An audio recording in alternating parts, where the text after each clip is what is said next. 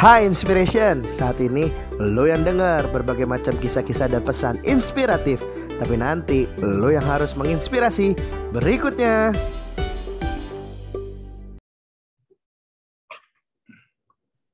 Oke, podcast inspirasi bertemu dengan gua kembali Alvin Kurniawan. Kita nggak bosan-bosan ketemu terus pokoknya.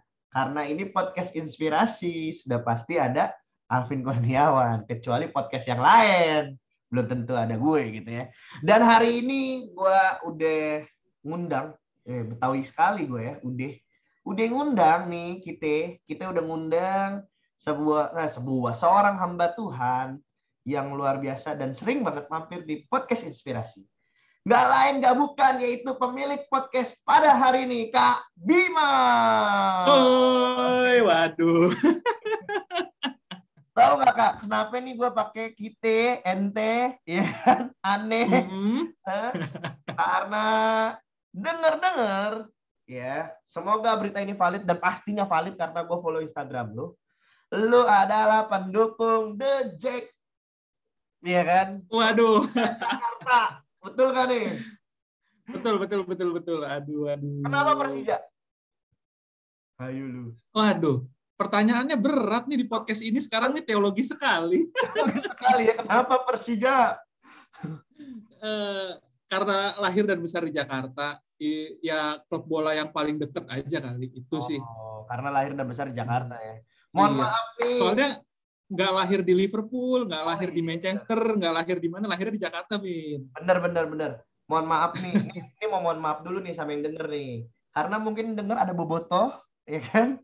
Ada bonek mania juga nih. Karena kalau gue lihat surveinya, Jawa Timur, Jawa Barat, dan DKI Jakarta itu menguasai kak pendengar podcast ini. Waduh.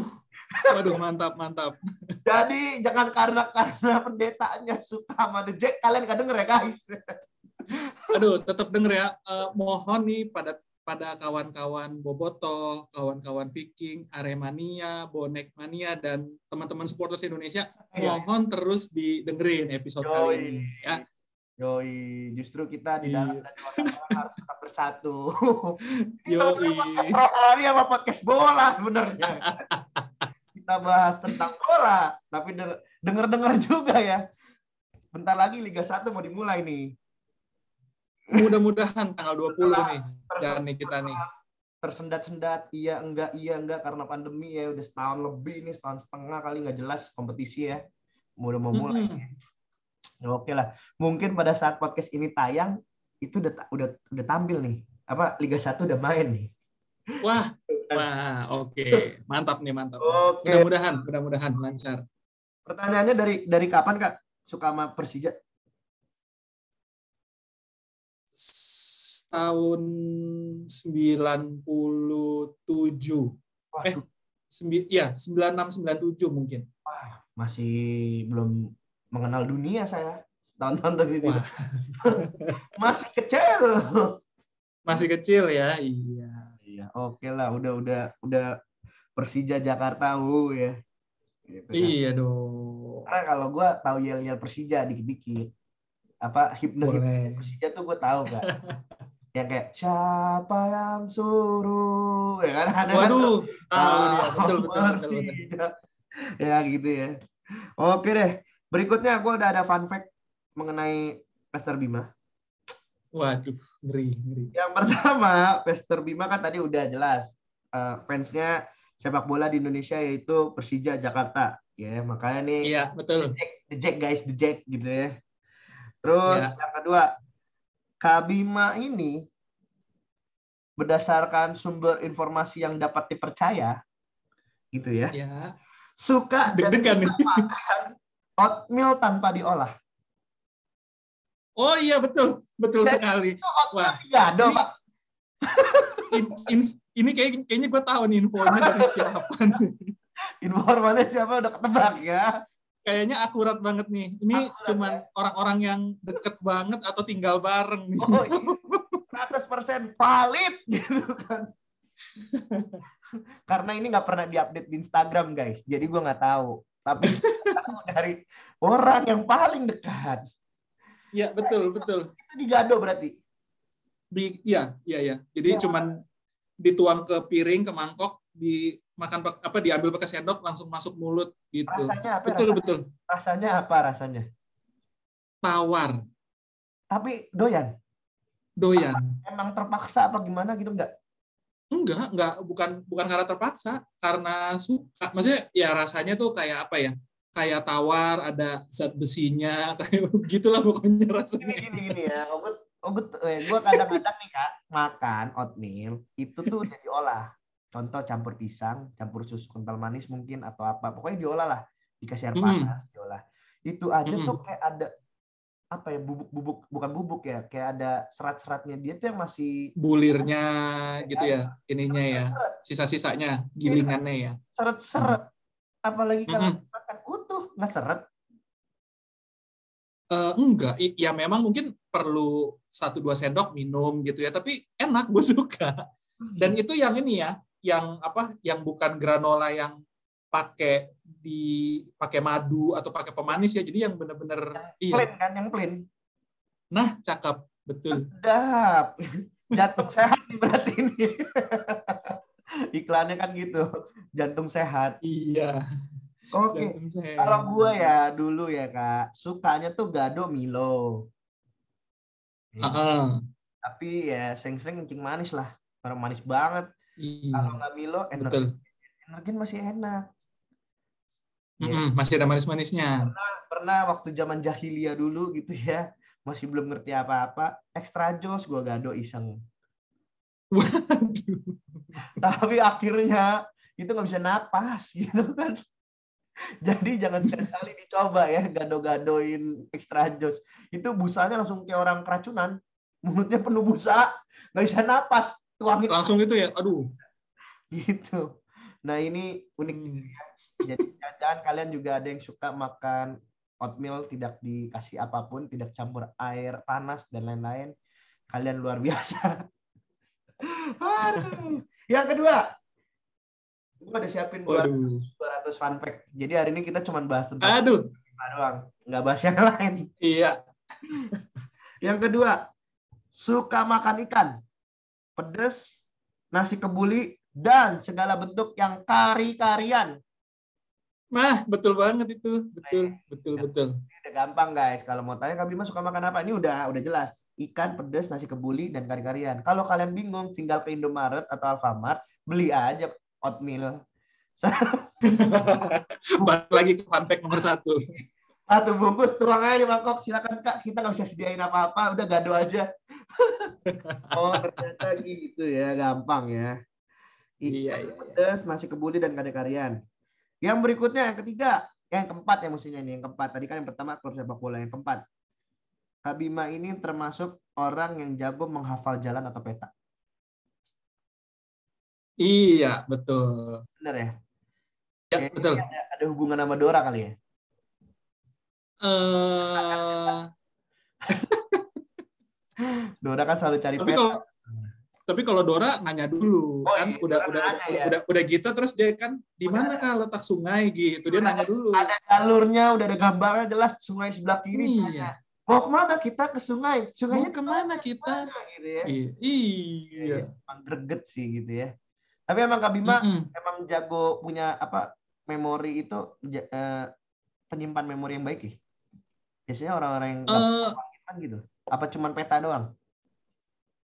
kalau ini ya kalau setahu gua gitu ya mungkin ini yang tapi ini masih apa ya gua klaim sendiri ya Hmm. mungkin itu yang namanya ini kali ya apa space atau spasial kecerdasan spasial gitu maksudnya Hmm. kalau lihat gedung lihat ini biasanya tuh langsung inget tuh jadi kalau misalnya pergi ke mana terus langsung oh kalau dari sini mau ke situ mesti beloknya ke beloknya ke kanan arahnya ke mana keluarnya ke mana biasanya kayak gitu jadi kalau masuk ruangan masuk gedung gue tuh biasanya langsung keinget tuh masuk dari sini beloknya ke mana tangganya sebelah mana tuh bisa langsung sekali ngeliat biasanya itu Ya, ya.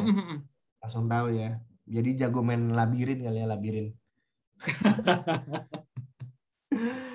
Oke guys, jadi itu seputar fun facts-nya Kak Bima. Itu aja dulu gitu ya. Karena gue nanya yang aneh-aneh, belum dijawab sama informannya karena susah menemukan yang aneh-anehnya ternyata. Oke, hari ini kita ngobrol-ngobrol cantik ya kak. Kita mau boleh boleh tema-tema yang mungkin lagi uh, hits banget zaman now gitu ya. Wih. Itu. TikTok gua, apa nih kita atau TikTok bener. TikTok. Jadi kalau TikTok tuh suka uh, apa gue liatin konten yang cowok itu tuh yang rumah gimana kalau kalian harus KPR nah itu sering banget tuh muncul tuh KPR KPR rumah itu gitu kan investasi atau ayo hmm. TikTok. Jadi kita hari ini mau review rumah. Wah itu enak banget liatnya. Tapi harganya nggak enak ya. Harganya nggak enak betul. Oke kak. Ini gue mau nanya nih sebuah hal nih yang bertepatan dengan mm -mm.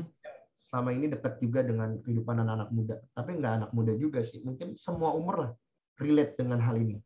Yaitu tentang hmm. uh, kalau bisa pakai bahasa lu gitu ya kembali pulang nggak karena gini uh, ntar gue nggak tahu nih pembahasannya dari Kabima uh, ke mana gitu ya. Tapi mungkin gue prolognya gini.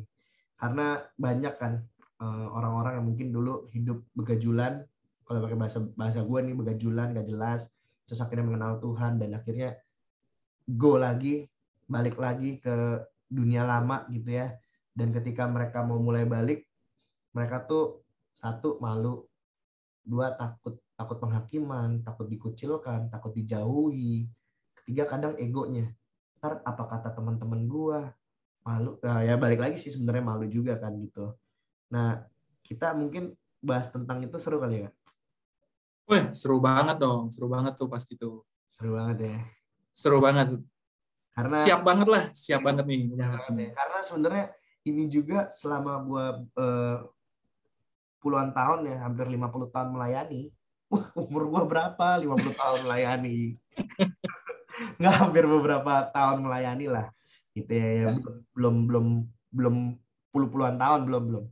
Cuman ini menjadi hal yang sering gue perhatikan juga ketika gitu ya, anak muda khususnya ya, lebih banyak menurut gue ya, karena anak muda kan lebih labil kalau bisa pakai bahasa labil ya. Jadi kadang kayak hmm jadi anak Kristen nggak enak hidupnya terkungkung banyak aturan gak asik eh gue pengen dong jadi teman-teman gue nongki cantik gue kelihatannya keren. Hura-hura senang-senang heaven. Eh tapi ternyata ketika mereka pergi ke sana nggak seperti yang mereka lihat dan mereka bayangkan. Hidup yang kayak gitu tuh justru hmm. malah jauh lebih capek gitu ya. Jauh lebih capek hmm. hmm, hmm. tapi ketika mereka mau pulang mereka udah keburu malu. Hmm.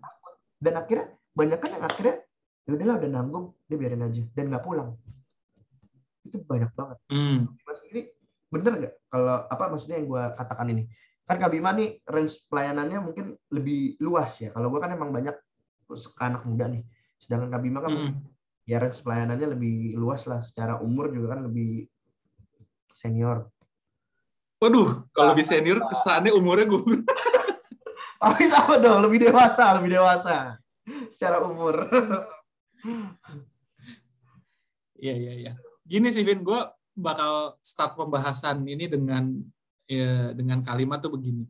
Hmm. Waktu gue SD, waduh udah kayak tahu umur berapa banget gitu. Waktu gue SD. Gini, masih gini deh. Uh, waktu gini deh, Vin, waktu kita SD gitu ya, ah. paling pasti kita pernah diajarin begini ada yang namanya kebutuhan pokok manusia itu ada yang namanya uh, sandang, pangan, nama papan gitu ya. Bahwa kebutuhan manusia itu yang terdasar itu ada yang namanya kebutuhan akan makanan, kebutuhan akan makan minum, kebutuhan akan pakaian dan kebutuhan akan tempat tinggal gitu kan, tempat papan kan. Jadi biar gimana pun juga gitu ya, rumah itu jadi satu kebutuhan. Hmm.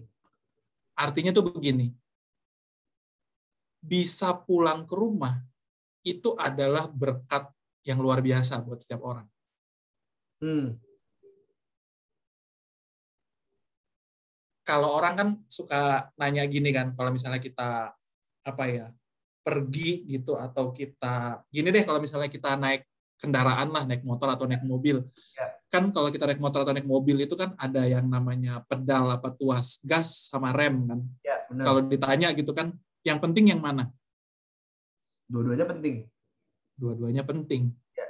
Uh, mencet gas doang, nggak ada remnya, hidup bahaya. Ya. Ngerem doang, nggak ada bah ngerem doang nggak ada gasnya hidup lu nggak ke mana-mana. Ya. kalau lu ngegas sambil ngerem melintir. Nah, mesot, gitu.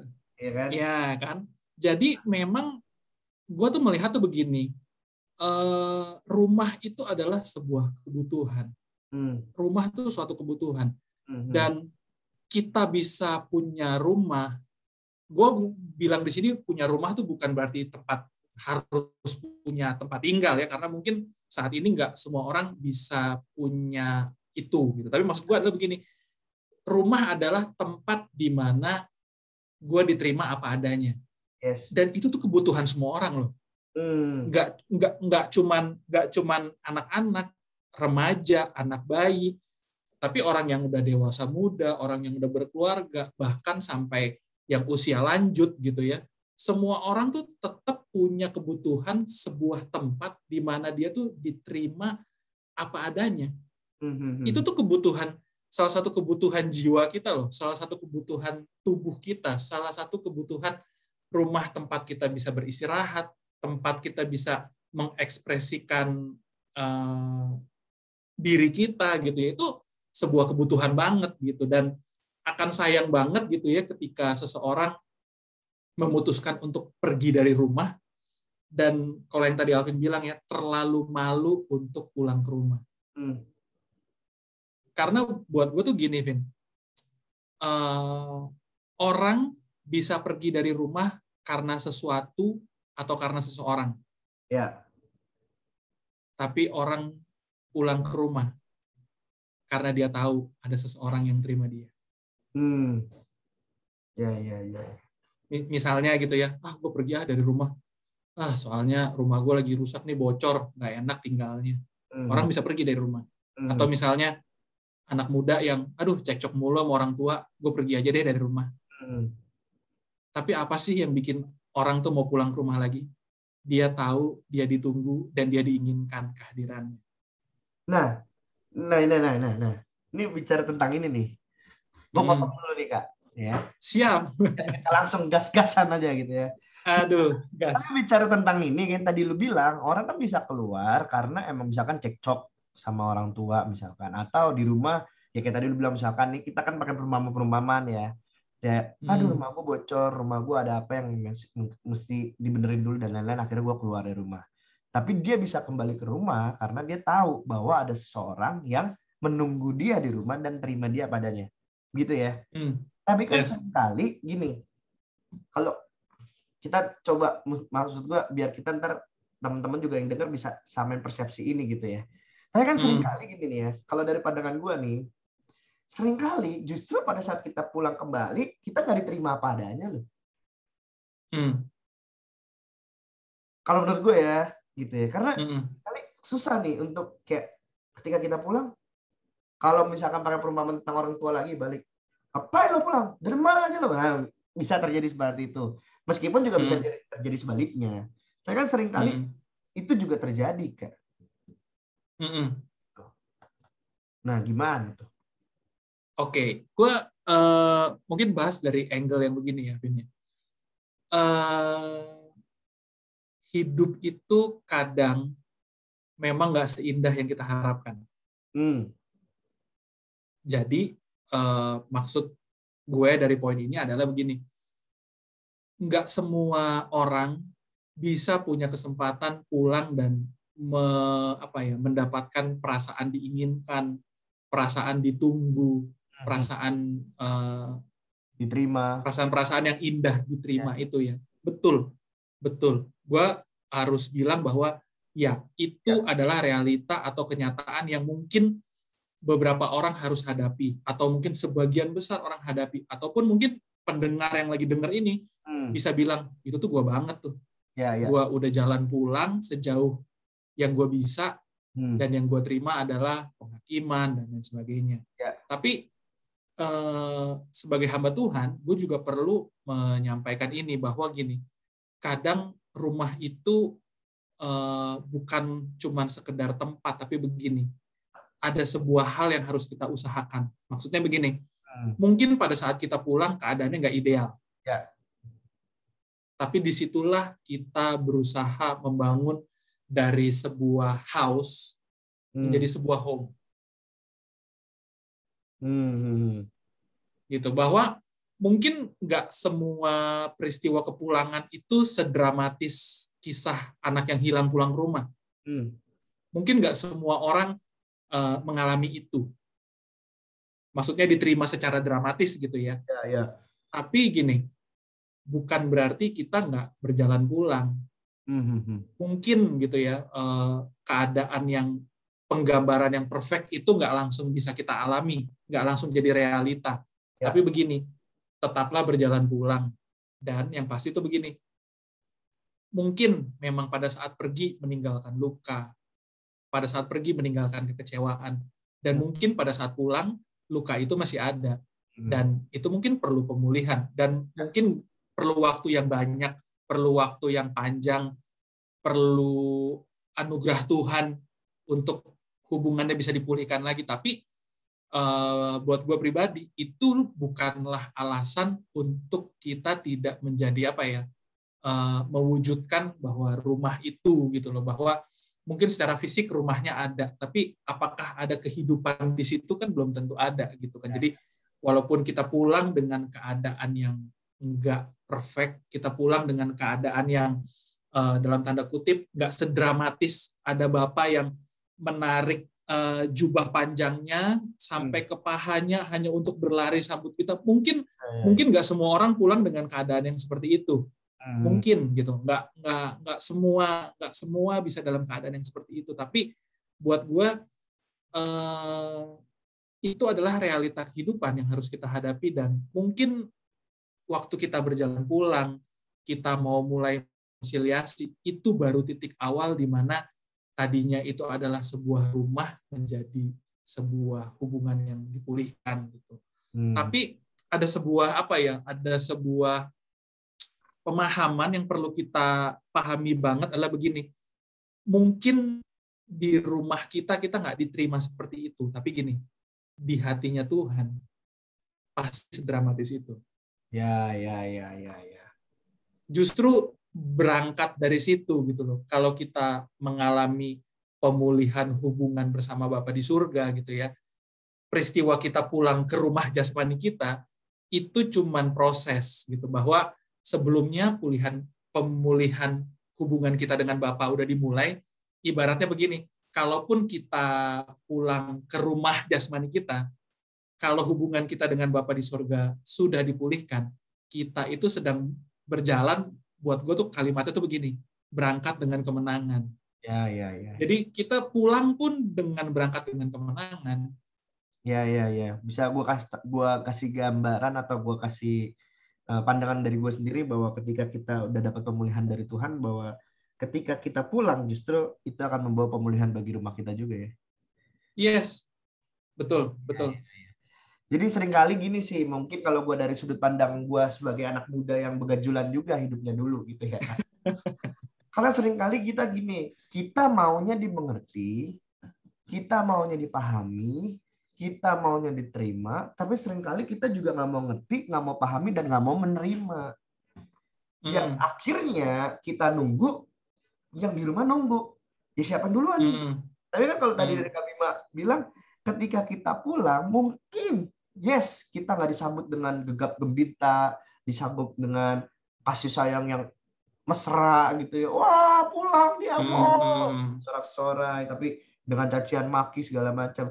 Tapi ketika kita pulang dengan kondisi hati yang berbeda, respon yang berbeda, justru di situ Hmm. kita akan membawa perubahan bagi rumah kita yang tadinya host bisa jadi home.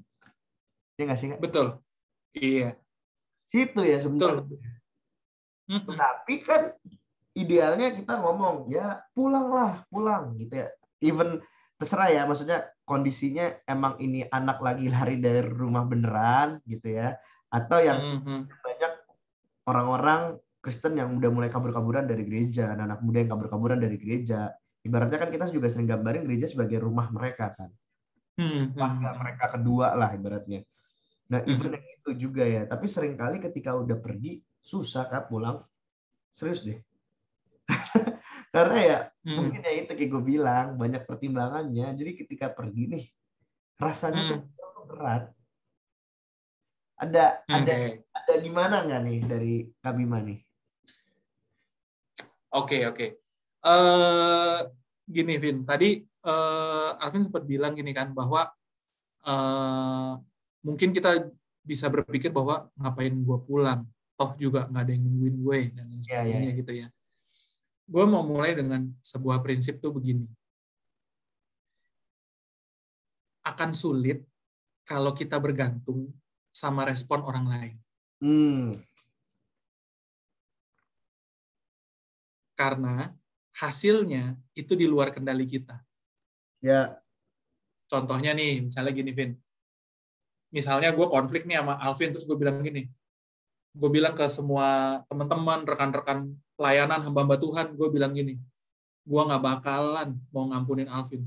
Sebelum dia datang ke tempat gue, cium kaki gue. Misalnya gitu ya, misalnya ekstrimnya. Artinya apa?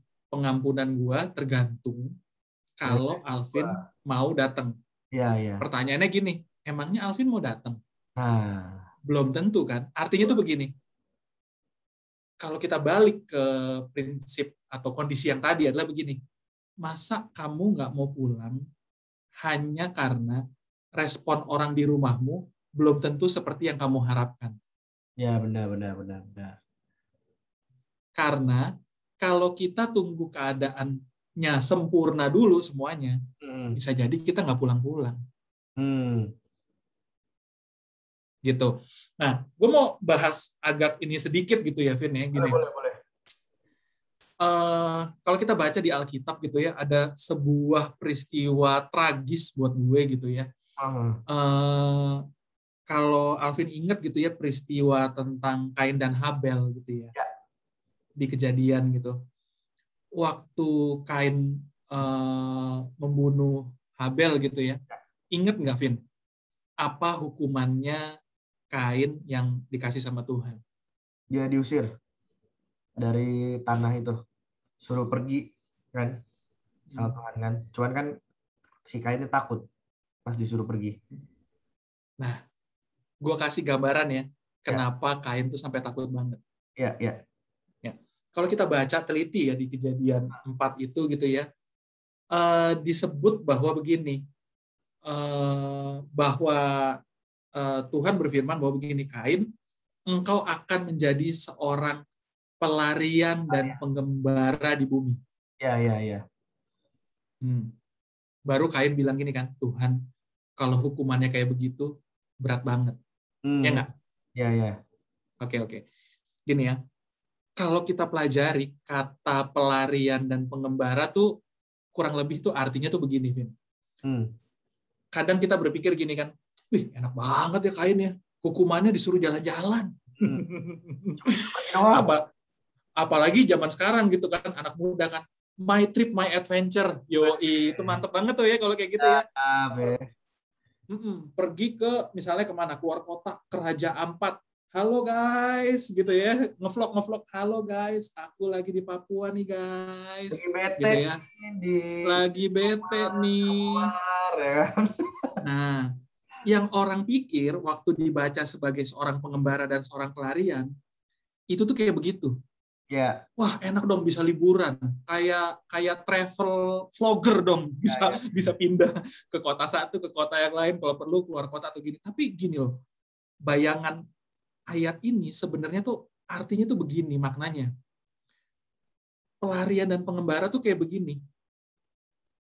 Engkau pergi dan gak akan pernah bisa pulang. Itu loh artinya makanya Kain bilang gini Tuhan kalau yang kayak begitu berat banget Hmm, hmm, hmm, hmm, ibaratnya kayak gini, Vin. Kita ikut lomba lari, tapi nggak pernah ada finishnya. Ada ujungnya. Iya, iya, iya. Uh, itu ngeri loh. Hidup hidup kayak gitu tuh ngeri banget.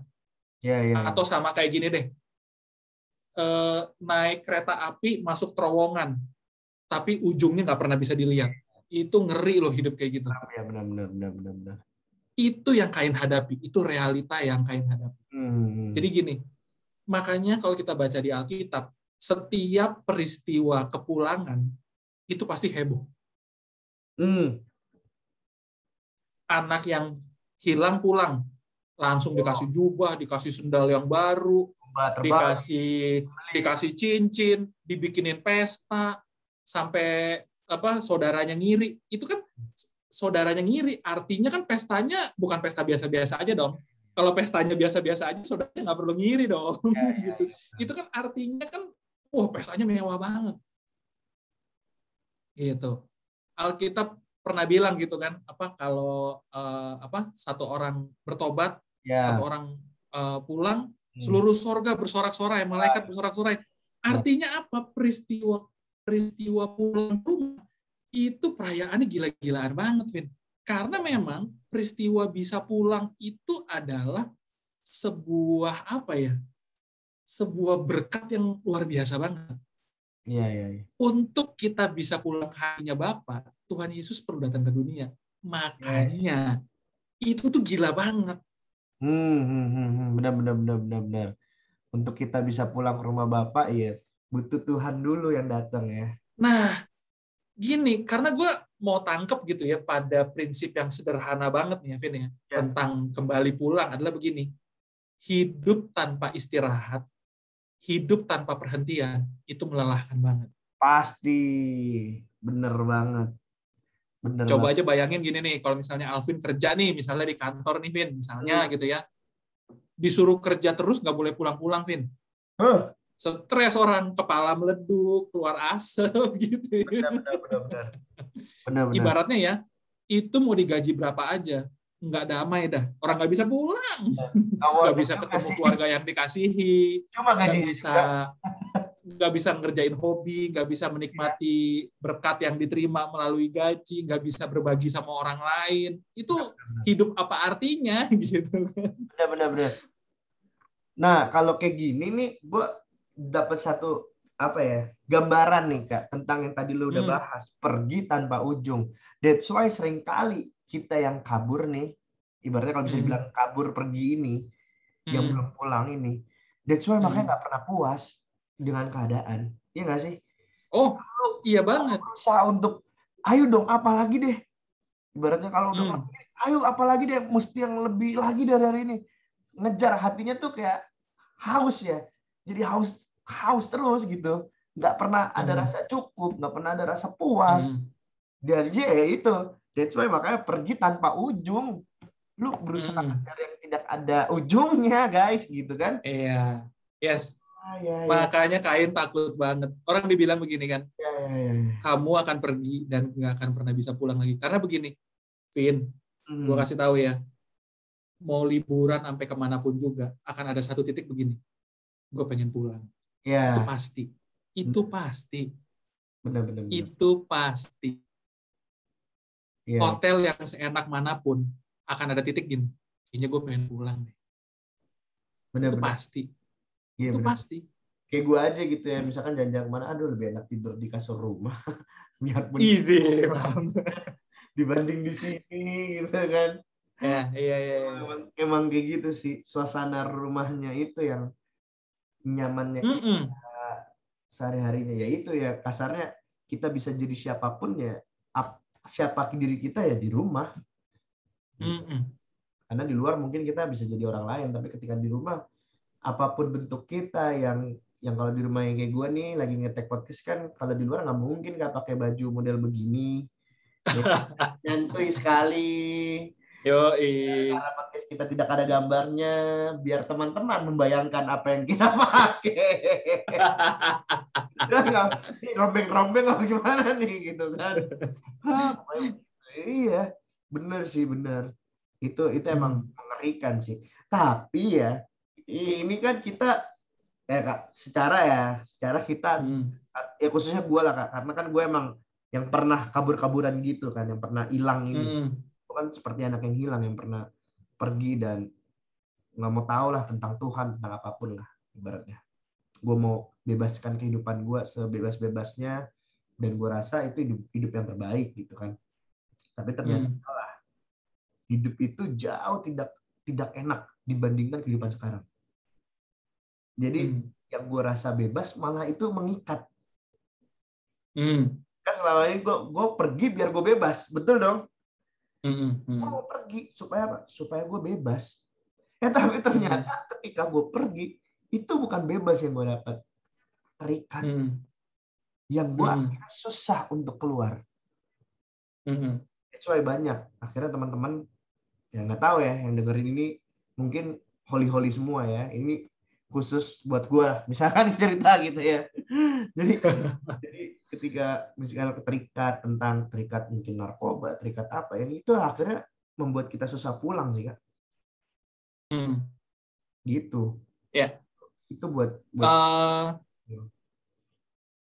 Iya, sebenarnya gini ya, gue kasih pandangan lagi nih. Gini. Mhm. gini, kalau kita baca kisah tentang uh, perumpamaan anak yang hilang itu ya, Ya. yang menarik adalah begini. Pada saat dia terima semuanya, Alkitab bilang begini, lalu ia menjual hartanya itu gitu kan. Ya. Berarti sebelumnya yang dia punya adalah harta. Bentuknya tuh mungkin tanah, mungkin bentuknya rumah, mungkin bentuknya apa gitu ya. Tapi dia jual bentuknya uang, ya jual ya kan? uang. Ah. Iya kan. Nah, yang menarik adalah kalimat berikutnya dibilang begini. Lalu dia pergi ke tempat yang jauh. Hmm. Pertanyaan gue tuh gini, Vin. Ya. Kenapa sih kalau cuma mau foya-foya, kenapa mesti pergi ke tempat yang jauh sih? Hmm. Di kota yang sama dengan bapaknya tinggal juga bisa kan? Oh, udah uangnya udah dipegang. Benar. Kenapa mesti pergi ke tempat yang jauh? Hmm. Waktu gue merenung, gue mendapatkan tuh begini. Sebenarnya yang dia dia pengen tuh bukan foya-foyanya saja. Hmm. Tapi gini, di tempat yang jauh, artinya apa? Nggak ada orang yang kenal dia. Kenal dia. Nggak ada orang yang tahu dia. Artinya apa? Dia mau bikin apa aja yang dia mau. Ya. Itu rencana dalam pikirannya dia ketika dia mau melangkah pergi dari rumah.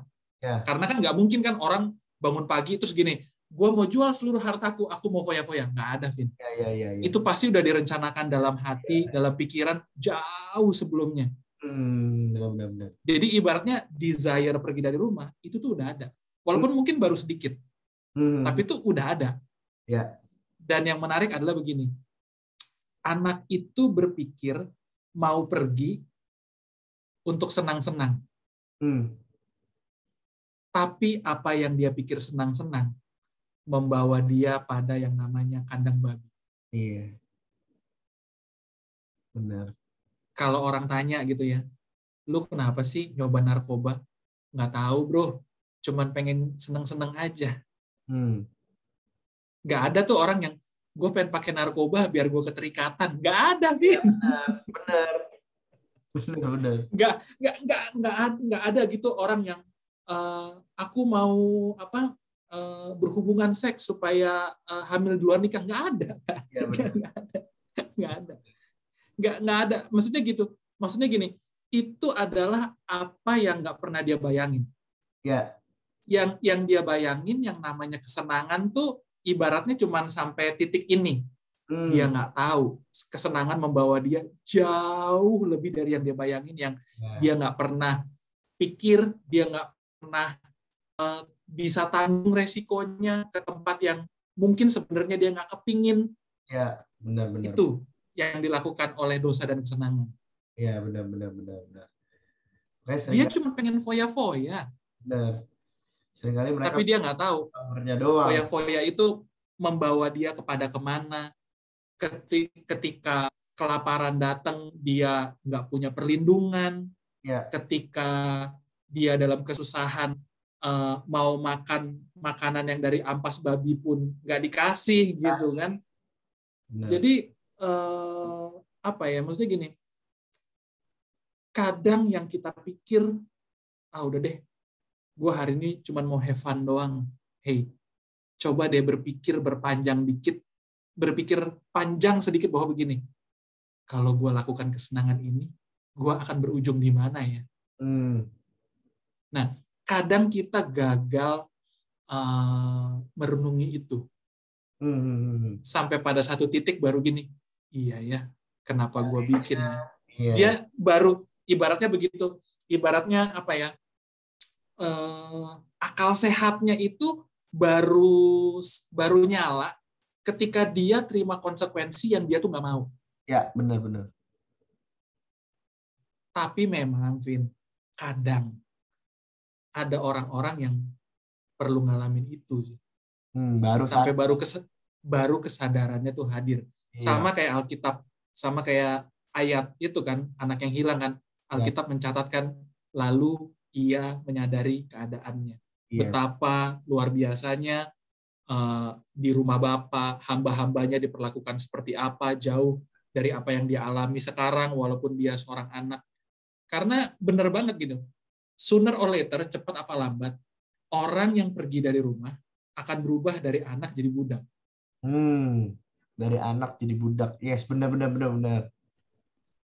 Ya, padahal kita udah dibebaskan dari perbudakan untuk jadi anak. Malah pergi supaya jadi budak lagi. Aduh. Aduh, benar-benar benar-benar benar-benar. ya itu ya kadang apa ya manusia punya sisi gelap hatinya yang mungkin rindu sama yang namanya perbudakan. Gue juga nggak tahu. Iya.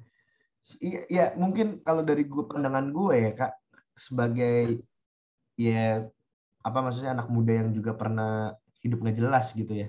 Yang kayak gue bilang, gue dulu memper apa ya? punya cita-cita aja enggak. Punya harapan buat Hmm. hidup aja enggak. Gue melihat kehidupan yang baik buat gue lima tahun, 10 depan, 10 tahun nggak berani gue dulu. Waktu gue masih Hmm. SMA nggak berani. Karena apa yang Hmm. ada dalam pikiran gue adalah hidup gue yang hancur, hidup gue yang Hmm. rusak. Ya emang emang gue udah gak ada masa depan gitu. Seandainya Hmm. gue ada masa depan pun masa depan gue tidak dengan cara yang seperti orang-orang. Oh kalau Hmm. dulu teman-teman gue, ah, ntar gue pengen bangun usaha, jadi pebisnis, jadi wes. Gak ada itu di otak gue. Oh itu buat lu, hidup lu. Hmm. Kalau gue punya jalur yang beda, mafia bos, gitu kan. Mafia bos, gitu. Ya karena emang mungkin ya terlalu banyak hal-hal yang terjadi. Tapi yang dari gue garis bawahi dari lu adalah sejauh mana pun kita pergi, ya kayak anak yang hilang gitu ya, sama Hmm. kayak kain juga mungkin ya. Sejauh ke mana pun kita pergi, intinya pada dasarnya selalu ada orang menunggu kita untuk pulang. Selalu ada pribadi Hmm. yang menunggu kita untuk pulang sebenarnya. Nggak peduli sekotor apa pun kita ya kan. Itu kan anak yang hilang Hmm. udah ancur-ancuran banget hidupnya. Baik secara moral, kehidupan, fisik segala macam mungkin udah udah parah banget dia jadi budak paling rendah sekalipun gitu kan. Bahkan sampai makanan-makanan ampas yang sisa-sisaan dari yang buat babi itu aja dia nggak boleh loh. Yang dikasih Hmm. babi aja boleh dia nggak boleh gitu kan. Berarti kan hidupnya udah jauh lebih rendah lagi dari babi gitu kan. Tapi Hmm. ya itu ketika dia pulang bapaknya udah ngelihat dia dari jauh bapaknya yang lari-lari ngejarin dia wah Hmm. pulang nih nah sering kali kita nggak sadar kak mungkin ketika kita pergi pas mau pulang kita nggak sadar bahwa ada saat seorang pribadi apa pun keadaan kita bentuk kita wujud kita perilaku kita hancurnya kita kacau balaunya kita tapi dia tuh selalu ketika kita mau pulang dia adalah orang yang paling berdiri paling depan dia adalah pribadi Hmm. yang selalu Yes. dia adalah pribadi yang selalu bilang gini orang lain terserah mau bilang apa tentang lo tapi gue terima lo Hmm. nah itu Yes. kali kurang disadari oleh anak-anak muda mungkin nggak anak muda aja Hmm. sih yang lagi dalam pelarian ya khususnya ya yang lagi Hmm. dalam ya itu pengembara pengembaraan kehidupan ini pelarian kehidupan Hmm. itu yang mungkin kurang sadari gitu Yes. kalau dari gua menurut lo gimana nih kak Eh, bener sih, bener, bener banget gitu bahwa eh, tadi ya kayak di kayak udah dibilang gitu kan bahwa eh, biar gimana pun juga gitu ya pulang itu suatu kebutuhan sih Mhm. dan dan namanya kebutuhan gini mau diredam kayak apa pun satu titik kerinduan itu pasti muncul iya iya tapi memang betul banget gitu kadang pada saat kita mau berjalan pulang gitu ya kayak yang di awal kita bahas aduh gue ditunggu nggak ya? Iya ada benar yang mau terima gue nggak ya? Secara tadi ya Alvin juga udah bilang kan mungkin secara fisik waduh mungkin udah kotor banget tuh gitu ya. Kerja di kandang babi gitu Yes, kan bergaul dengan begitu gitu. Ya. Habis itu juga uh, secara mental juga mungkin uh, terpukul banget, Ya. sedih banget gitu ya. Mungkin uh, apa? Mungkin depresi kah, mungkin stres kah gitu ya uh, atau ini rasa bersalah. Aduh, itu nggak enak banget gitu ya. Benar-benar. Bahwa aduh gua gua nggak layak banget buat buat bapak, buat Tuhan, buat orang di rumah, gue udah hancur banget. Ada loh orang-orang yang digrogoti oleh rasa bersalahnya begitu rupa gitu ya, Benar-benar. sampai akhirnya untuk gini, cuman bilang gini, kayaknya emang gue udah nggak layak lah pulang lagi. Iya. Kayaknya udah nggak ada jalan lah buat gue ke sana. Itu kan apa ya sebenarnya kalau kita mau jujur gitu ya, ya dia sedang dimakan oleh rasa bersalahnya, oleh penghakiman iblis gitu kan bahwa ya bercampurlah semua itu jadi satu gitu jadi perasaan-perasaan yang perasaan-perasaan emosional yang nggak sehat gitu ya. Hmm. Nah itu memang sebuah hal yang apa ya realita banget sih realita banget gitu bahwa kadang kita berpikir gue tuh masih bisa diampunin nggak ya? Ya. Eh, apakah ada kemungkinan orang tuh menyayangi gue nggak ya? Kalau misalnya eh, gue eh, pulang ke rumah, gue bisa dilepaskan nggak ya dari keterikatan ini? Gitu. ya. Hmm. Apakah eh, masih ada harapan nggak ya buat gue berubah? Ya. Masih ada harapan nggak buat masa depan gue? Kalau tadi Alvin bilang gitu ya, pada saat eh, apa ya SMP SMA nggak berani gitu ya ngeliat masa depan, gue perlu bilang gitu ya, Vin, pada titik tertentu gue pun anak yang hilang juga. Hmm. gue pun anak yang hilang juga bahwa gue juga adalah uh, orang-orang yang struggle banget masa SMP gue, masa SMA, bahkan sampai menjelang kuliah, gue tuh uh, orang yang struggle banget gitu. Puji Tuhan, gue kuliah di semester 1, gue berjumpa dengan Tuhan dan gue lahir baru. Hmm.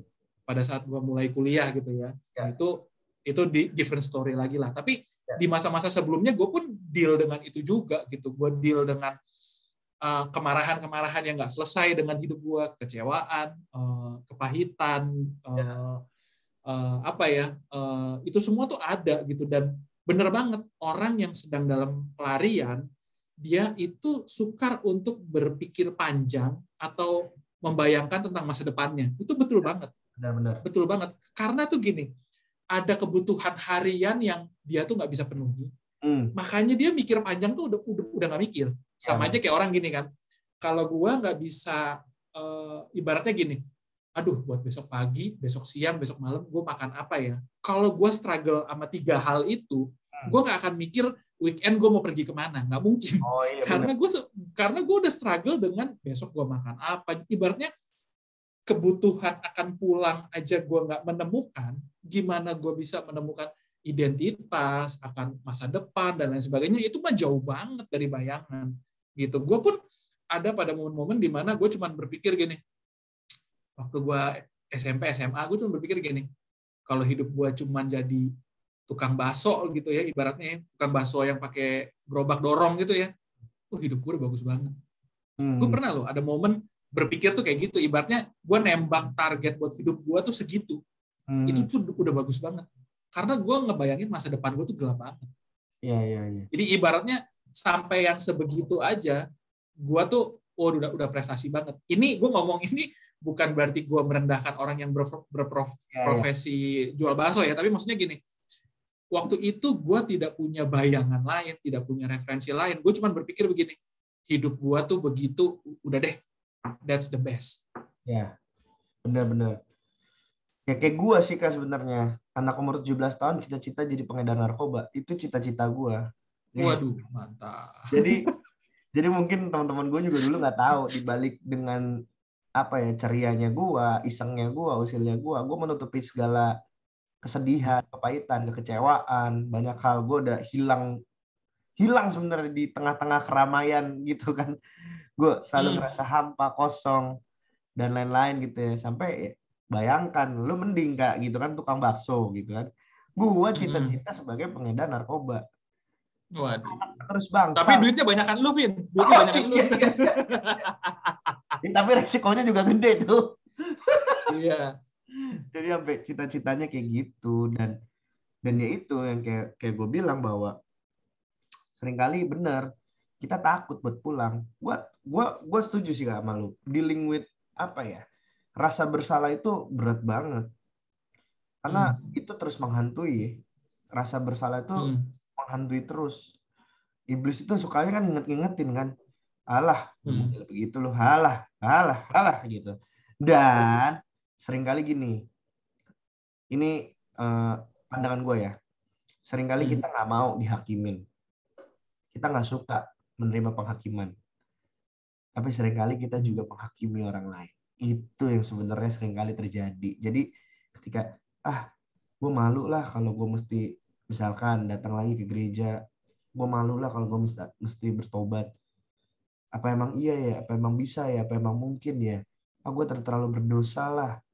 Nah sering kali kan orang juga gampang mudah menghakimi orang lain. Ah model kayak dia aja bertobat mendingan kayak gue hidupnya juga nggak bener. Biar sama-sama nggak bener. Padahal yang ngomong kayak gitu jauh kedalaman hati gue berani jamin jauh kedalaman hatinya itu juga pengen untuk pulang dan kembali diterima. Hmm. iya. Dan sering kali ya itu mungkin karena emang udah kebangun budayanya segala macam jadinya susah. Gitu sih. Untuk pulang-pulangan ini nih aduh kita pulang aja ya. Pada susah ya. Masih mending ada tempat untuk pulang gitu kan. Mm. dibanding nanti nanti sudah tidak ada waktunya lagi dan tidak tahu pulang ke mana. Di mm. malah jadi makin repot gitu kan semua iya. kekekalan loh gitu terakhir deh kak sebelum kita tutup mm. nih pesan mm. lo tentang kembali pulang ini buat teman-teman yang dengerin. Apa okay. yang perlu sampaikan?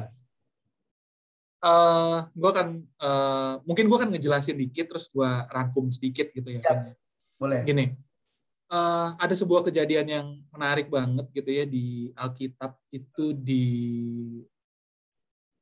mungkin pendengar nanti boleh cek gitu ya. ya. Uh, kalau nggak salah di Keluaran 16 atau Keluaran 17 gitu ya ada momen di mana bangsa Israel itu lagi berperang lawan Amalek. Hmm. Berperang lawan uh, Amalek. Uh, gue kan uh, singkat cerita aja gitu ya. Ya. Pada saat uh, kemenangan gitu ya, pada saat uh, kemenangan terjadi, uh, Alkitab catat Musa itu membangun sebuah mesbah gitu ya, membangun sebuah mesbah dan dinamakan tuh mesbah itu dinamakan Tuhan adalah panji-panjiku gitu ya atau apa yang uh, kalau gereja suka pakai Jehovah Nisi gitu ya. Hmm. Makanya kalau ujian penyembahan ada orang yang suka ngibar-ngibarin bendera gitu ya. ya, ya, ya. Uh, Oke, okay, gue akan jelaskan tuh begini. Maksudnya Jehovah Nisi itu tuh bukan cuman bendera doang. Karena Nisi itu punya arti tuh gini, Vin. Nisi itu punya arti tuh gini. Titik temu. Ya. Atau titik tolak atau titik yang menjadi acuan orang melakukan sesuatu. Hmm. Contohnya nih, Vin, misalnya kalau kalau misalnya uh, eh, gue sama Alvin pergi liburan nih luar negeri hmm. ke tempat yang kita sama sekali belum pernah pergi tuh misalnya gitu ya. ya. Uh, terus kita ikut tur tuh misalnya tur. Nanti kan uh, kita jalan-jalan tuh sama tour guide-nya kan. Hmm. Nah kalau misalnya turnya yang rombongan yang gede, biasanya tour guide-nya tuh suka bawa bendera tuh, Vin. Iya benar. Jadi dia bilang nanti kalau kita uh, sekarang adalah jam bebas nih sebelum ya. kita pulang ke hotel. Jadi ada satu jam kalau mau keliling gini gini gini. Nanti kita ketemu lagi satu jam lagi di tempat ini. Saya akan tunggu dengan mengibarkan bendera warna ya. hijau misalnya gitu ya Vin ya. Ya benar benar. Jadi kalau kita habis jalan-jalan nih Vin, kita ngelihat ada orang kibar-kibar bendera merah. Kita ke sono nggak Vin? Hmm, benar. Enggak dong, karena tujuan kita bendera hijau. Ah, iya benar benar. Ya kan? Ah. Karena tujuan kita bendera hijau. Nah, misi itu kayak gitu, Vin. Mm-hmm. Misi itu adalah titik temu kita. Titik baliknya kita, titik tolaknya kita. Artinya nggak semua bendera yang berkibar depan kita, kita tuh perlu samperin. Mm. Ini nih kalau bahasanya Pastor Gram nih ya, ya. tidak semua cobaan itu perlu kita cobain. Sedap. Tidak semua cobaan perlu kita cobain. Betul, nggak perlu nggak semua nggak semua bendera itu perlu kita samperin karena itu bukan titik temunya kita. Nah, kalau baca di ayat itu gitu ya, di yang Alkitab terjemahan lama dibilang begini, maka Musa mendirikan mesbah bagi Tuhan, Hmm. lalu dis, lalu dinamainya Tuhan adalah alamatku. Hmm. Artinya tuh gini, sejauh apa pun kita pergi, kalau kita tahu alamat yang tepat, Ya. masih ada harapan buat kita pulang. Pulang. Iya. Benar, benar, benar, benar. Sejauh apa pun kita tersesat, Hmm. kalau masih tahu alamat pulang, Hmm. masih ada harapan untuk kita jalan balik. Yes, yes, yes. Karena tahu alamat tuh penting, Vin. Misalnya nih, gue mau ke, ke tempatnya Alvin nih, Hmm. tiba-tiba gue tersesat di tengah jalan. Ya. Gue akan nanya dong sama kiri kanan, Ya. "Eh, rumahnya Alvin di mana ya? Gak ada orang yang tahu rumahnya Alvin di mana. Hah. Tapi kalau dikasih tahu kan, jalan ini, nomor ini, Ya. mungkin ada RT RW-nya dan lain sebagainya. Macam. Alamat alamat yang tepat dapat membawa orang kembali pulang. Pertanyaan gue cuma gini, Hmm. sejauh apa pun kita hari ini nih, Ya. apakah kita tahu alamat kita itu pulangnya ke mana? Nah, Dan ada sebuah kabar baik buat setiap pendengar nih. Gue mau kasih tahu. Alamat atau jalan balik kita pulang adalah Yesus Kristus. yes. Untuk kita bisa kembali ke hati Bapa Hmm. hanya melalui satu jalan, yaitu Yesus.